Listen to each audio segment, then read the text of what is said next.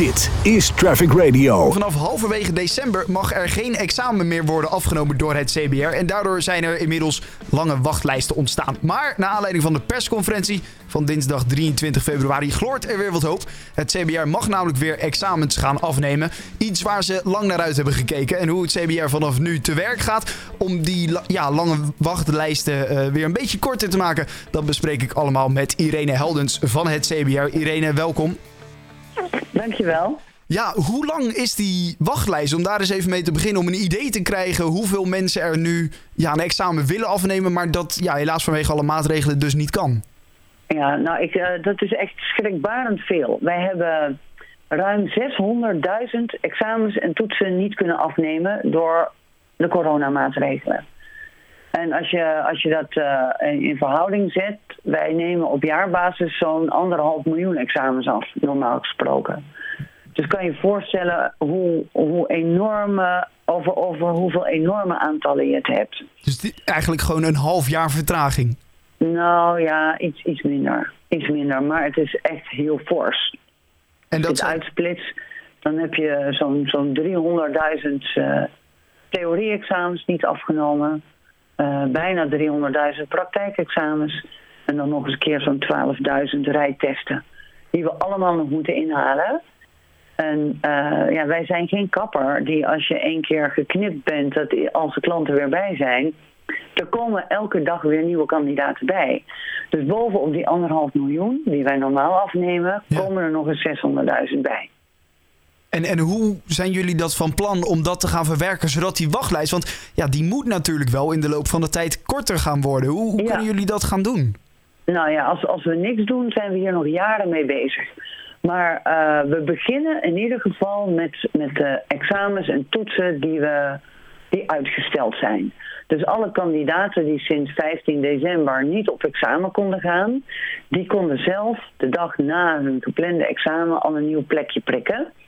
En die examens die gaan we allemaal afnemen voor 1 juni. Dus die gaan eerst. Dus eerst gaan alle kandidaten die, uh, die niet op examen konden, die, die gaan eerst.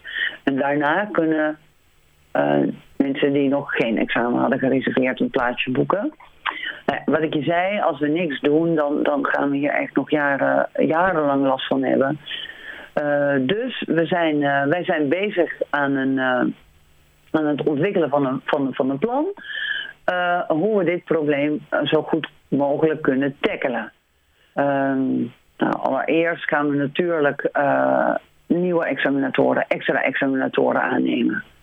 Nou, we doen het maximale wat we in een jaar kunnen opleiden, daar gaan we voor. Dat zijn er 100.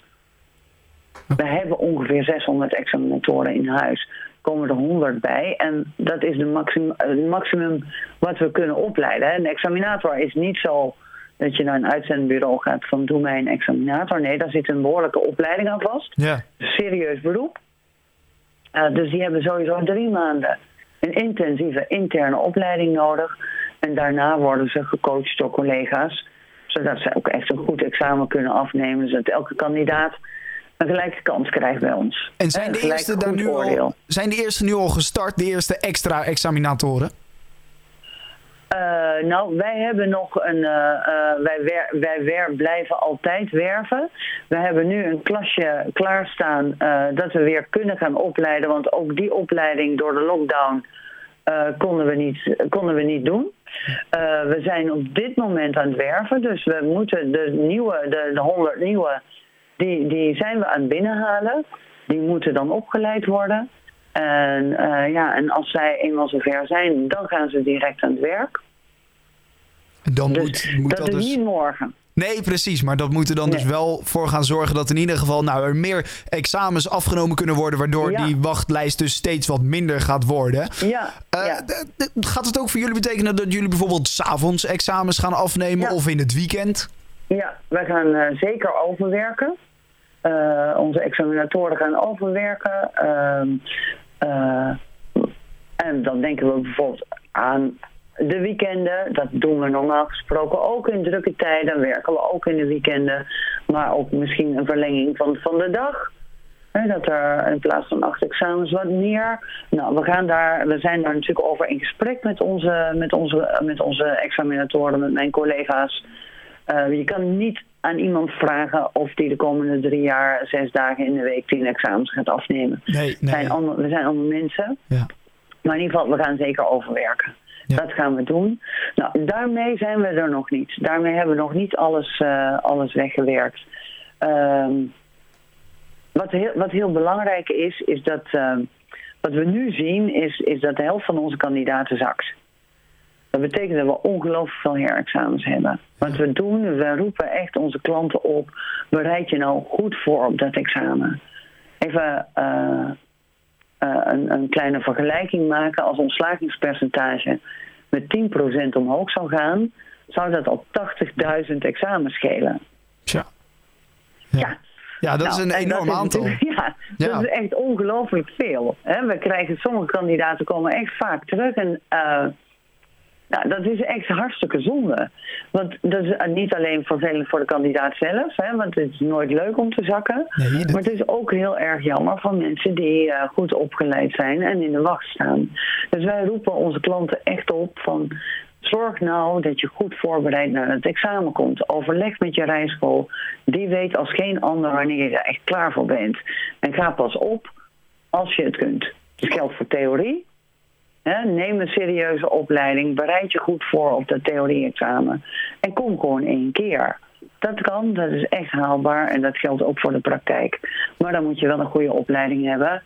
En niet te vroeg komen. Nee. En nu we het dan toch over de theorie hebben, eh, dat ligt nog wat lastiger. Want de praktijkexamens mogen dus vanaf nu afgenomen worden. Maar de theorie-examens nog niet. Iets wat ik best wel gek vind eigenlijk. Want bij een praktijk, praktijkexamen zit je dicht, best dicht naast iemand natuurlijk. Hè? De, de bijrijder, de examinator zit op de, de bijrijderstoel. Eh, terwijl Ja. bij eh, eh, een theorie-examen zou je daar makkelijk één tafeltje... of misschien wel twee tafeltjes slash computers hè, eh, eh, tussen kunnen laten.